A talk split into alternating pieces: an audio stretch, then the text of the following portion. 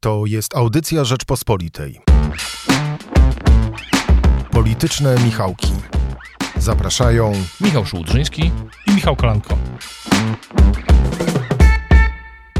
Zapraszamy Państwa wraz z Michałem Kolanko do politycznych Michałków, e, w których będziemy analizowali przede wszystkim to, jaki wpływ na polską politykę będzie miała uchwalona w piątek przez Sejm uchwała, ustawa o specjalnej komisji mającej śledzić rosyjskie wpływy w Polsce. Nikt chyba nie ma wątpliwości, że głównym celem jest Platforma Obywatelska i Donald Tusk, któremu komisja, która będzie miała uprawnienia połączonych służb specjalnych sądu i prokuratury, a mogąca skazywać e, kogoś na karę zakazu pełnienia funkcji publicznych, e, a zatem jaki ona będzie miała wpływ, jak zareagują poszczególni gracze, co zrobi z ustawą prezydent. O tym wszystkim będziemy mówili w politycznych Michałkach.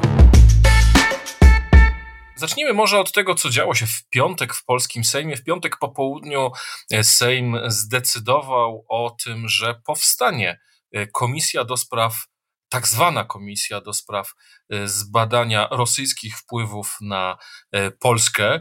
Michale, w takim um, telegraficznym skrócie, co każdy średnio zainteresowany polityką powinien wiedzieć o tym, co wydarzyło się w piątek w polskim e, Sejmie. Jakie były okoliczności przyjmowania tej ustawy?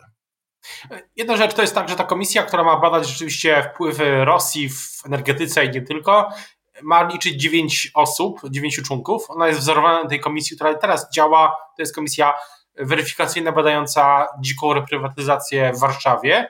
No i ta komisja miała powstać, to jest myślę pierwsza ważna rzecz też, y, miała powstać już wiele miesięcy temu. Miała powstać na przełomie, miała zacząć działać na przełomie, tak mi się wydaje, dzisiaj, gdy sobie przypominam, na przełomie stycznia i lutego tego roku. Mm, to był projekt ogłoszony jeszcze w ubiegłym roku i generalnie właśnie miała powstać wiele, wiele miesięcy temu. Jest ogromne opóźnienie, myślę tak 4-5 miesięczne. To jest jedna rzecz. Druga, dalej nie mamy te dziewięć osób, tak? Pięć ze strony Prawa i Sprawiedliwości, cztery ze strony opozycji, ale tylko teoretycznie, ponieważ wydaje się, że cała opozycja zbojkotuje pracę tej komisji i nie będzie desygnować swoich e, członków do tej komisji, inaczej niż w przypadku komisji weryfikacyjnej badającej właśnie wspomnianą przeze mnie dziką reprywatyzację w Warszawie. No i ta komisja ma powstać, e, jeśli oczywiście prezydent Duda ustawę podpisze albo nie wyśle jej do Trybunału Konstytucyjnego i generalnie wydaje się, że biorąc pod uwagę kalendarz i tak dalej, to ona powstanie w okolicach wakacji, jeśli oczywiście wszystko, y, tak jak mówię, prezydent podpisze, w okolicach wakacji i prezydent y, i wtedy będzie działać na początek przez czas wakacji i przez czas oczywiście no, tego finalnego etapu kampanii wyborczej.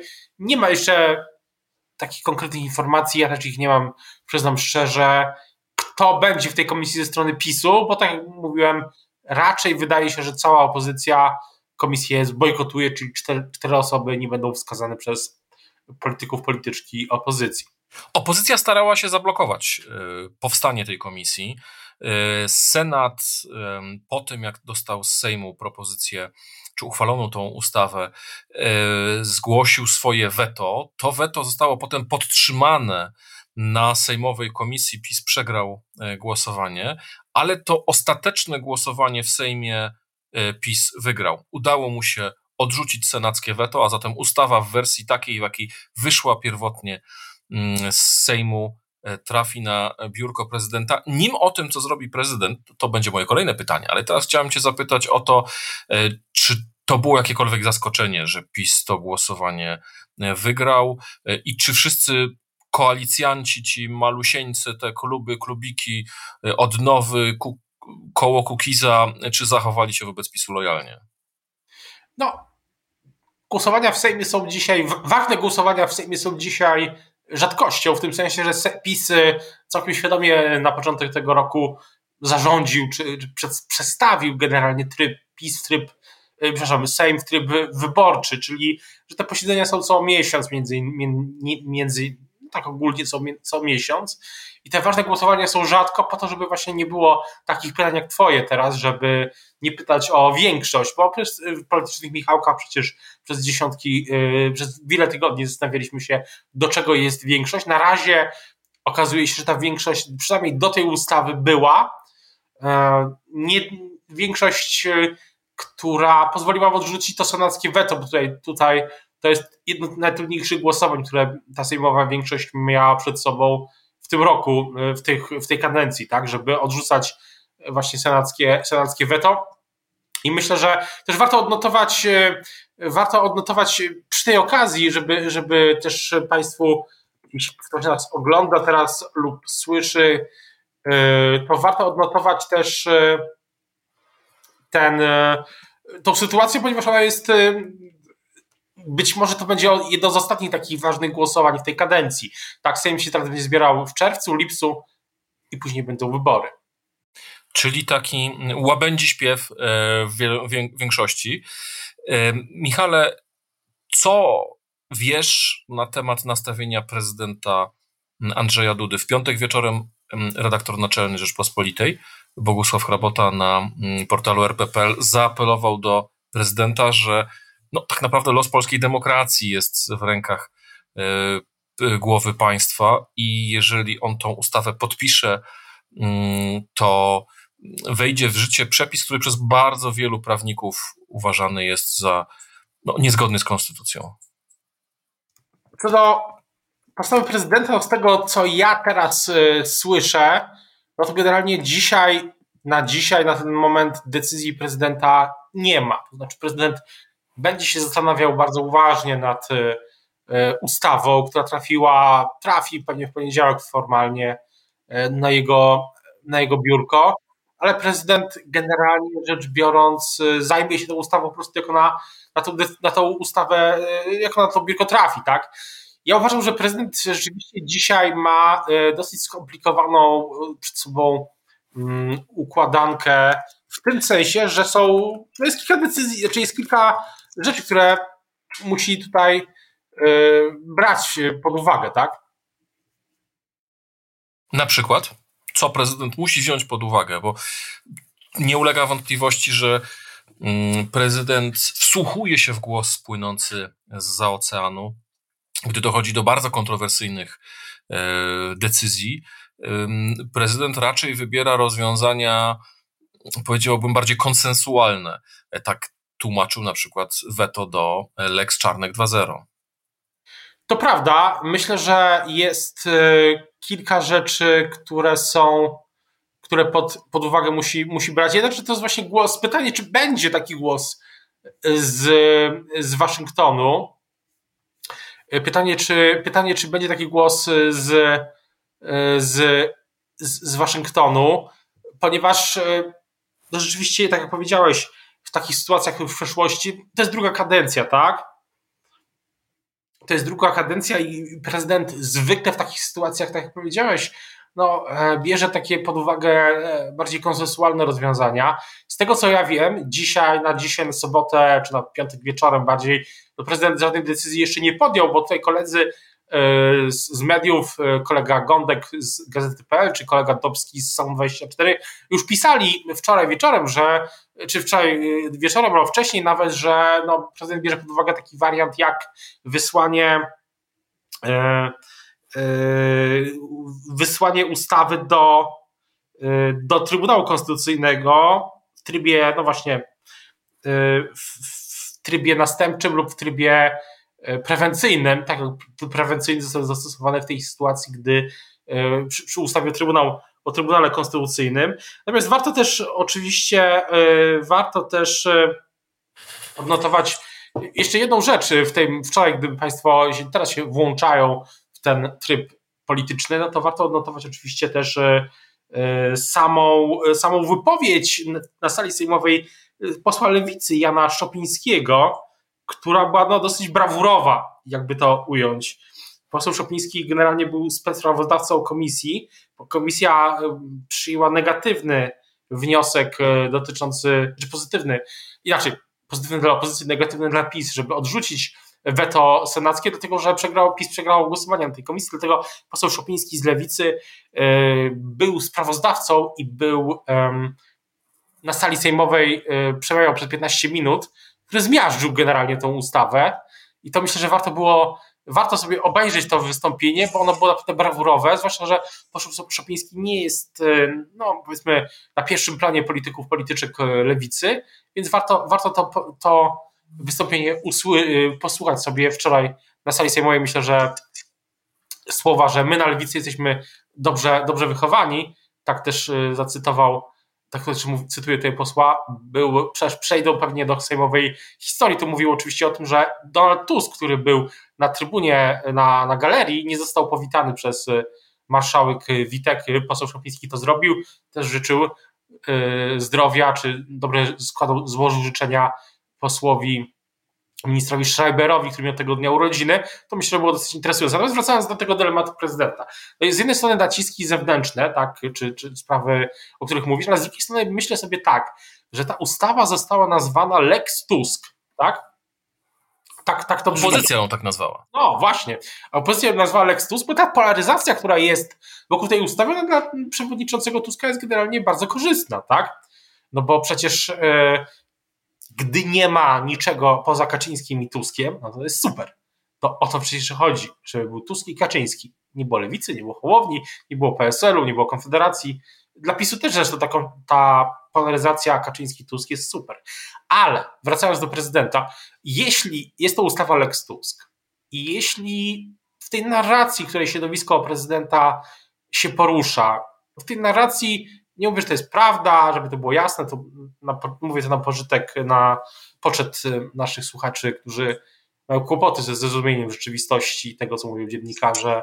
Nie mówię, że to jest prawda, ale taka jest narracja drukowanymi literami PiS, że Tusk wspierał Merkel i Putina, no to z punktu widzenia tej narracji prezydent Duda może sobie pomyśleć tak, no zaraz, ale moi wyborcy potencjalni w przyszłości. Dzisiaj ci, którzy trzymają kciuki za e, Załęskiego, za Ukrainę, w jakimś sensie mogą odebrać potencjalne weto lub wysłanie do Trybunału jako wsparcie Tuska, czyli wsparcie do tego, tej całej narracji, o której mówiłem wcześniej.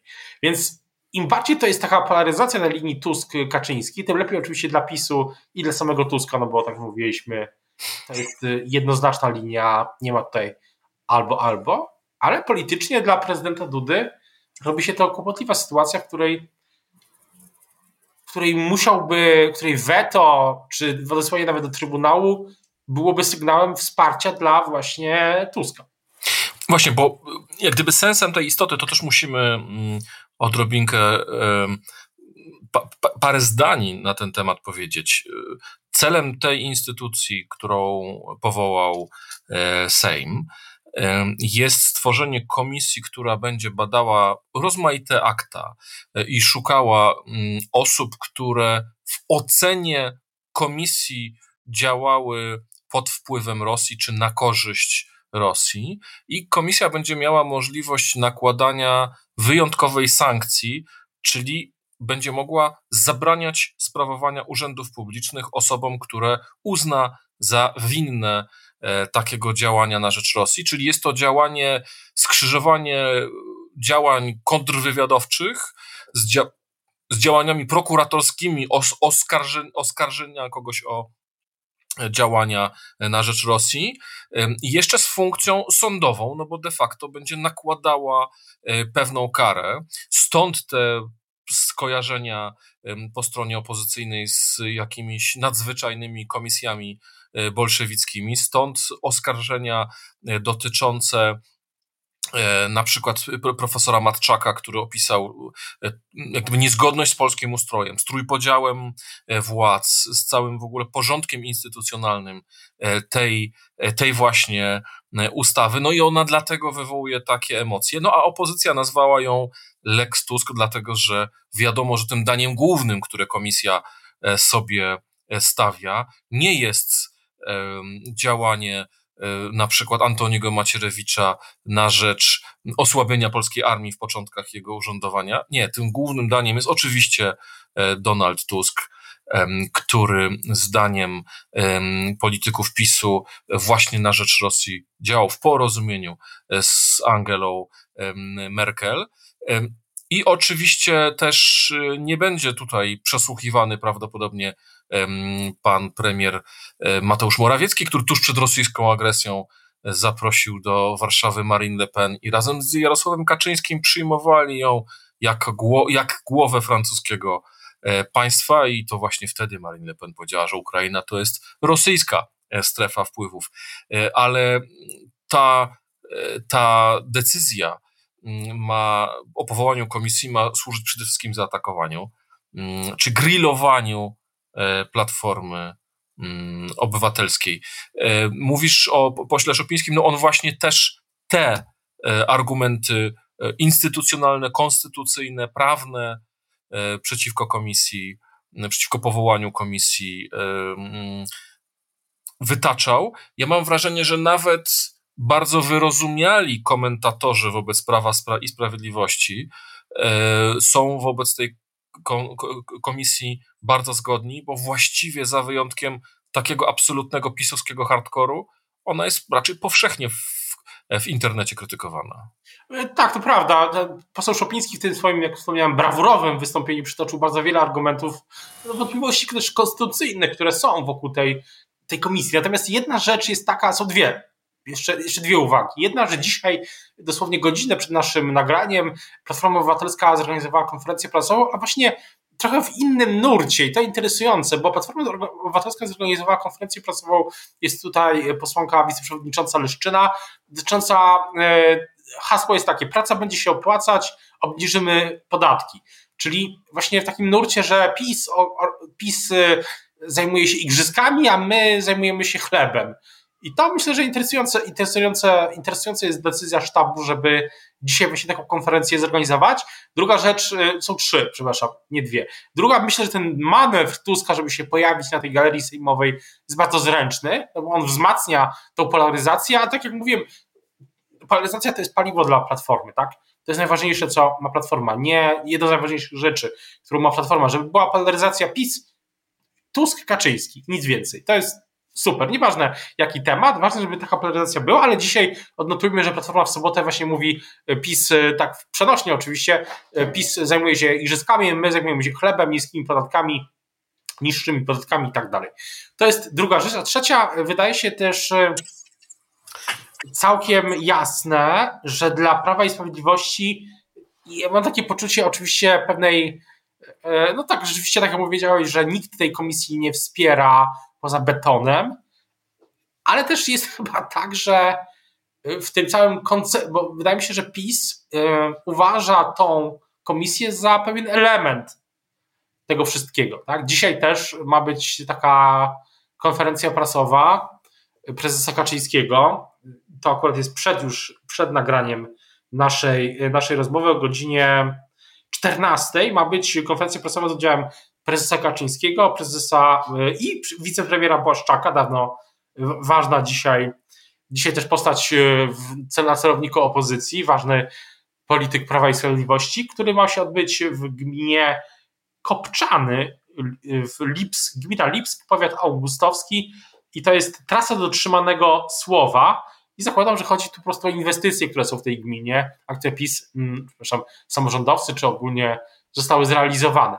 Więc też dla PiSu to jest tylko jakiś tam element, tak mi się wydaje, pewnej orkiestry, która ma grać na wielu, wielu tonach. Jednym z nich jest ton oczywiście grillowania Tuska, grillowania Platformy, takiego gonienia króliczka, no ale tych tonów są, jest wiele, tak, jest 800+, plus, jest ta trasa dotrzymanego słowa, jak nazwali sztabowcy Prawa i Sprawiedliwości. Dzisiaj z udziałem e, prezesa Kaczyńskiego, tak jak mówiłem w sobotę 27 e, maja. Mówisz o tym e, polaryzacyjnym aspekcie, który może być dla Platformy korzystny. Czy to dlatego Donald Tusk przyszedł na piątkowe sejmowe głosowanie i przyglądał mu się e, z sejmowej galerii? No bo to on jest tym króliczkiem używając tego twojego sformułowania o gonieniu króliczka, on jest tym króliczkiem, który PiS chce gonić i cały czas tę opowieść o złym Tusku już mamy te przypomnienie tych słów nasz człowiek w Moskwie i tak dalej, i tak dalej, o, o tych słowach, które padały w kompletnie innych historycznych, historycznie e, wydarzeniach.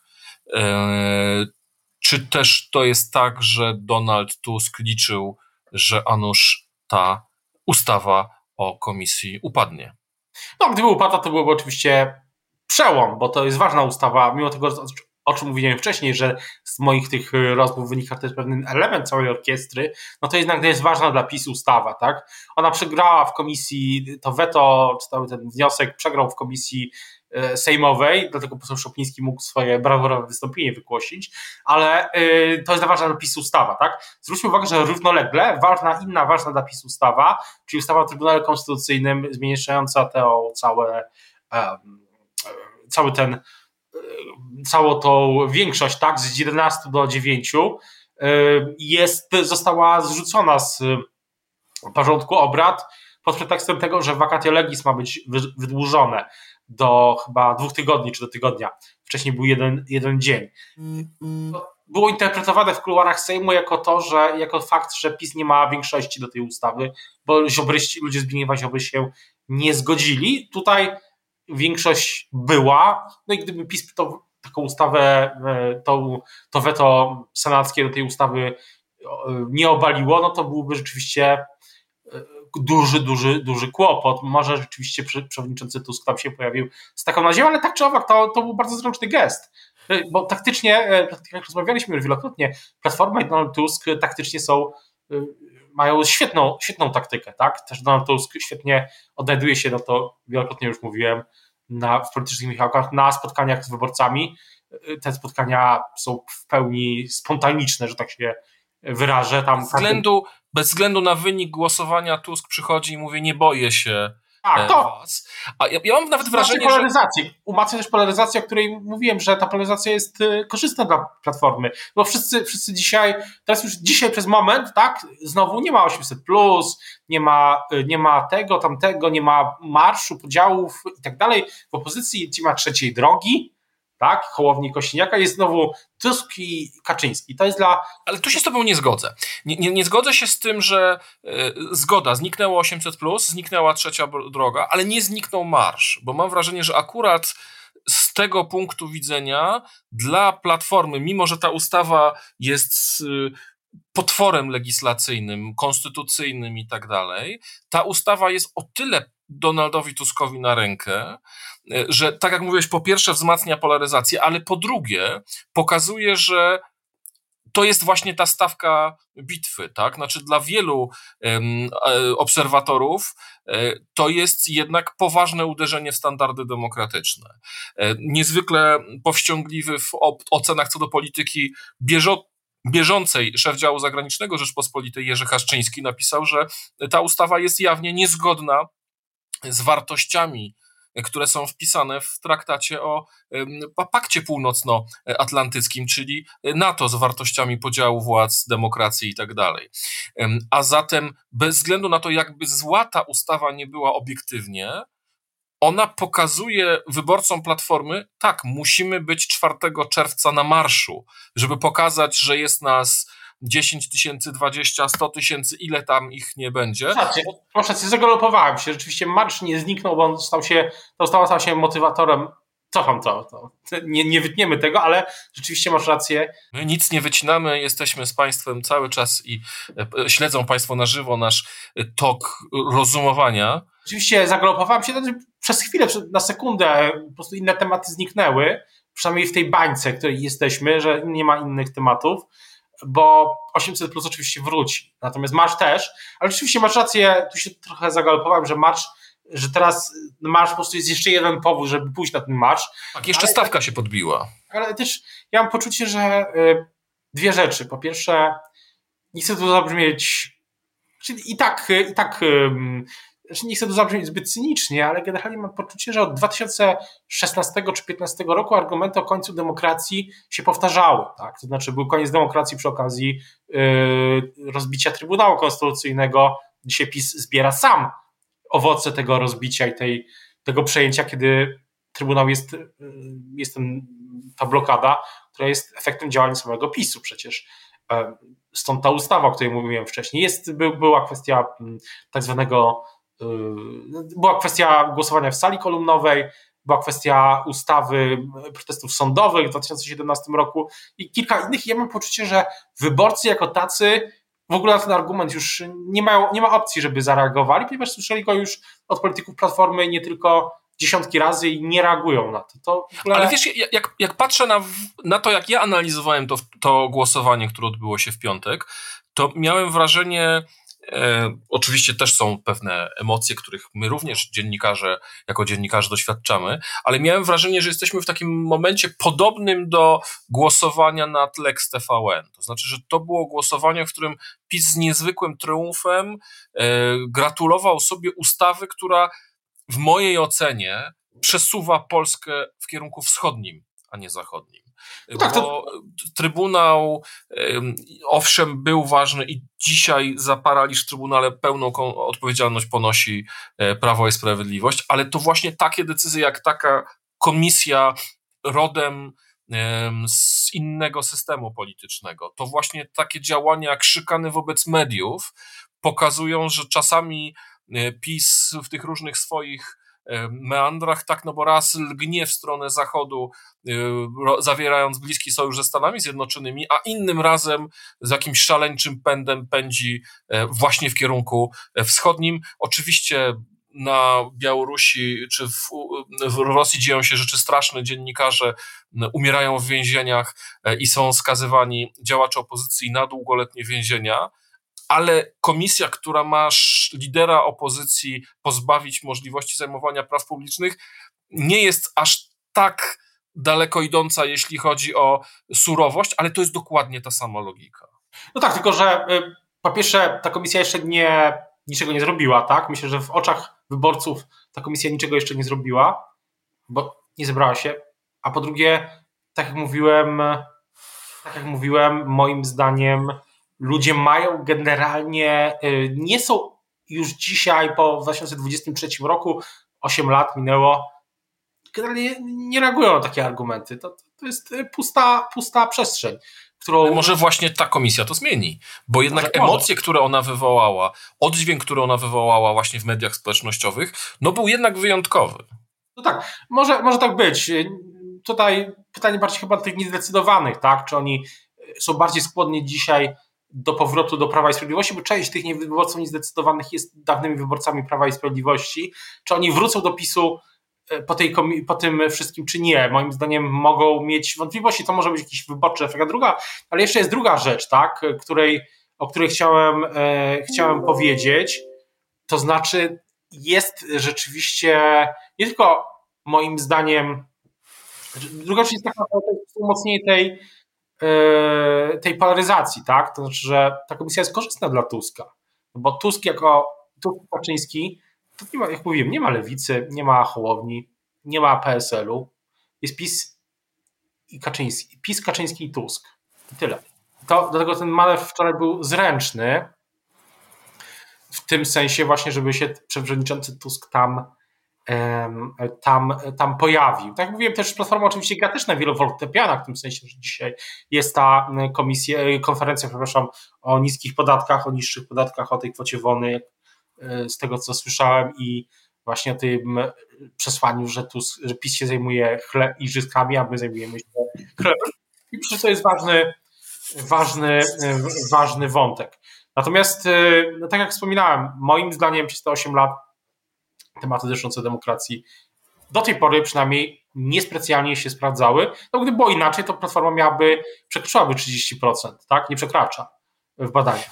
Michale, na koniec chciałem Cię zapytać o kwestię, mm, którą właśnie poruszał we wspomnianym tweetie mm, e, nasz redakcyjny kolega Jerzy Haszczyński, który napisał, że nie wyobraża sobie, że, żeby Polska zasiadła przy stole podczas szczytu NATO w Wilnie, który będzie odbywać się mm, wkrótce. Na tym szczycie nadzieję do zasiadania przy stole mają również e, Szwedzi, którzy sprawują prezydencję w Unii Europejskiej, a którzy występują, wystąpili z wnioskiem o wejście do e, NATO. Ten wniosek na razie czeka na decyzję decyzję Turcji, która zgodziła się na wejście Finlandii, nie zgodziła się na wejście Szwecji jeszcze. Ma się to zmienić po końcu, po wyborach, które e, odbędą się w weekend ostatni maja, druga tura wyborów prezydenckich.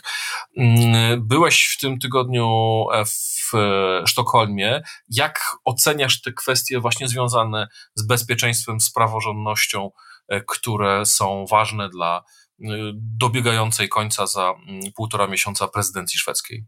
Tak, rzeczywiście, rzeczywiście byłem w Sztokholmie. To jest, był wyjazd studyjny zorganizowany przez e, Komisję Europejską w Polsce, przez oddział Komisji Europejskiej w Polsce, który też e, był bardzo udanym wyjazdem. Myślę, bardzo wiele ciekawych obserwacji można było w trakcie tego wyjazdu mieć. E, byliśmy kilka dni w Sztokholmie, rozmawialiśmy z przedstawicielami, no, z, wie, z wieloma urzędnikami zaangażowanymi właśnie w prezydencję szwedzką.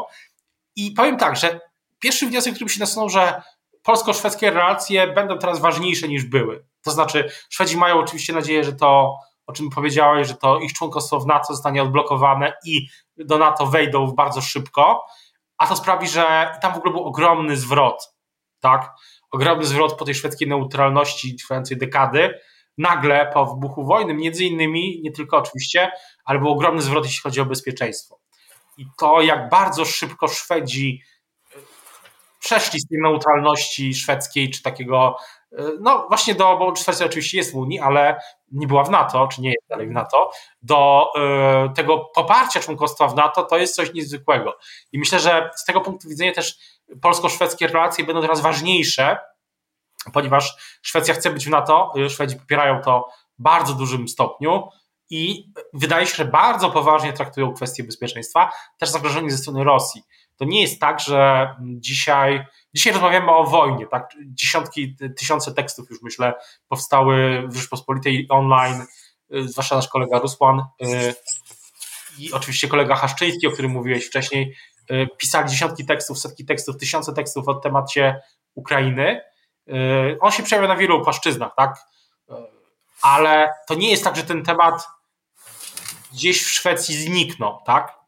E, uchodźców z Ukrainy jest w Szwecji mniej niż w Polsce, dużo mniej oczywiście, ale to też moim zdaniem Szwedzi bardzo poważnie traktują tematy bezpieczeństwa, też z perspektywą na przyszłość, niestety z perspektywą w jakimś sensie potencjalnych e, zagrożeń cały czas ze strony Rosji na Bałtyku wobec też infrastruktury krytycznej. Nie tylko dlatego, że minister Błaszczak, czy wicepremier Błaszczak ogłosił niedawno zakup e, szwedzkich samolotów wczesnego ostrzegania, ale też wydaje mi się, że te polskie relacje, polsko-szwedzkie relacje będą teraz dużo ważniejsze niż były wcześniej, ze względu na NATO, ze względu na Unię. Chodzi o praworządność, ten temat też nie znika. To też nie jest tak, że Szwedzi yy, czy Szwedzi zapominają o kwestiach praworządności, ale tak jak mówiłem, wydaje się, że kwestie bezpieczeństwa są bardzo, bardzo ważne. Trzecia rzecz, zauważył Igor Jankę niedawno, który też był w grupie dziennikarskiej na tym wyjeździe studyjnym w swoim, w swoim, w swoim tekście, w swoim newsletterze zauważył, że Szwedzi dokonali zwrotu, jeśli chodzi o politykę imigracyjną. I to też w tych naszych rozmowach się przebijało, że ten zwrot jest i pytał Igor Jankę, jak to, jakie wnioski dla Polski. No i też myślę, że nasi decydenci, politycy, e, którzy dzisiaj rządzą albo będą rządzić w przyszłości, muszą sobie odpowiedzieć na pytanie, jak będzie wyglądała polityka imigracyjna Polski. Ponieważ Szwedzi doszli do wniosku, co jest e, też odnotowano oczywiście w polskiej sferze publicznej, że ich polityka bezpieczeństwa mm, wobec imigrantów, ich polityka imigracyjna, przepraszam, nie do końca się sprawdziła. I że trzeba ją radykalnie zmienić. Usłyszeliśmy, że to zabierze około 5 do 10 lat i w tych 5-10 latach ten problem zostanie rozwiązany. Więc y, myślę, że warto też śledzić to, co się dzieje się w Szwecji właśnie tym kątem polityki migracyjnej Polski i tego, jak ona długofalowo, to są długofalowe procesy, a niestety polityka e, w Polsce ma ten kłopot z długofalowymi procesami. Jak się to rozwija? Bardzo ciekawy wyjazd I myślę, że warto obserwować Szwecję i te relacje, tak jak mówiłem, polsko-szwedzkie dzisiaj ze względu na NATO, ze względu na bezpieczeństwo, ze względu na imigrację, ze względu na praworządność, e, kwestie unijne, unijnego budżetu, dziesiątki innych spraw będą dzisiaj ważniejsze nie tylko dlatego, że do Szwecji e, promem czy samolotem jest niedaleko i e, szybko można się tam znaleźć i zobaczyć, jak ten kraj działa. Też ważna uwaga, mam takie wrażenie po kilku dniach spędzonych w Szwecji, że rowerzyści w Szwecji są na równych prawach z, z posiadaczami samochodów i nikt, e, i wszyscy są tam bardzo z tego powodu zadowoleni. To nie jest tak, że drogi rowerowe są gdzieś tam upchnięte w jakimś kontakt, tylko są bardzo, yy, są na równych prawach i łatwo, łatwo w Szwecji yy, to zobaczyć. Myślę, że warto na weekend nawet do Sztokholmu polecieć czy popłynąć, żeby zobaczyć, jak ten kraj jest zorganizowany właśnie pod względem transportu. Wydaje mi się, że transport w miastach, nie tylko oczywiście, Szwecja jest oczywiście dużo mniejsza ludnościowym niż Polska i też inaczej y, geograficznie wiadomo zorganizowana, jest, y, jest tam właśnie rozwiązany.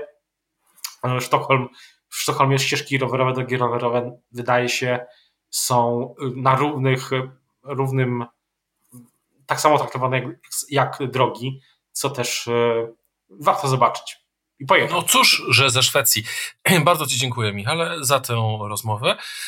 Przy mikrofonie i przed kamerą był Michał Szułdrzyński oraz Michał Kolanko, dziękuję bardzo. A za konsoletą był Michał Patyra, który realizował naszą audycję. Bardzo e, Ci, Michale, dziękujemy. Dziękuję Państwu za uwagę. Do zobaczenia i do usłyszenia. Do usłyszenia. Do zobaczenia. Słuchaj więcej na stronie podcasty.rp.pl. Szukaj Rzeczpospolita Audycje w serwisach streamingowych. Poznaj mocne strony Rzeczpospolitej. Wejdź na prenumerata rp.pl. Polecam. Bogusław Rabota, redaktor naczelny.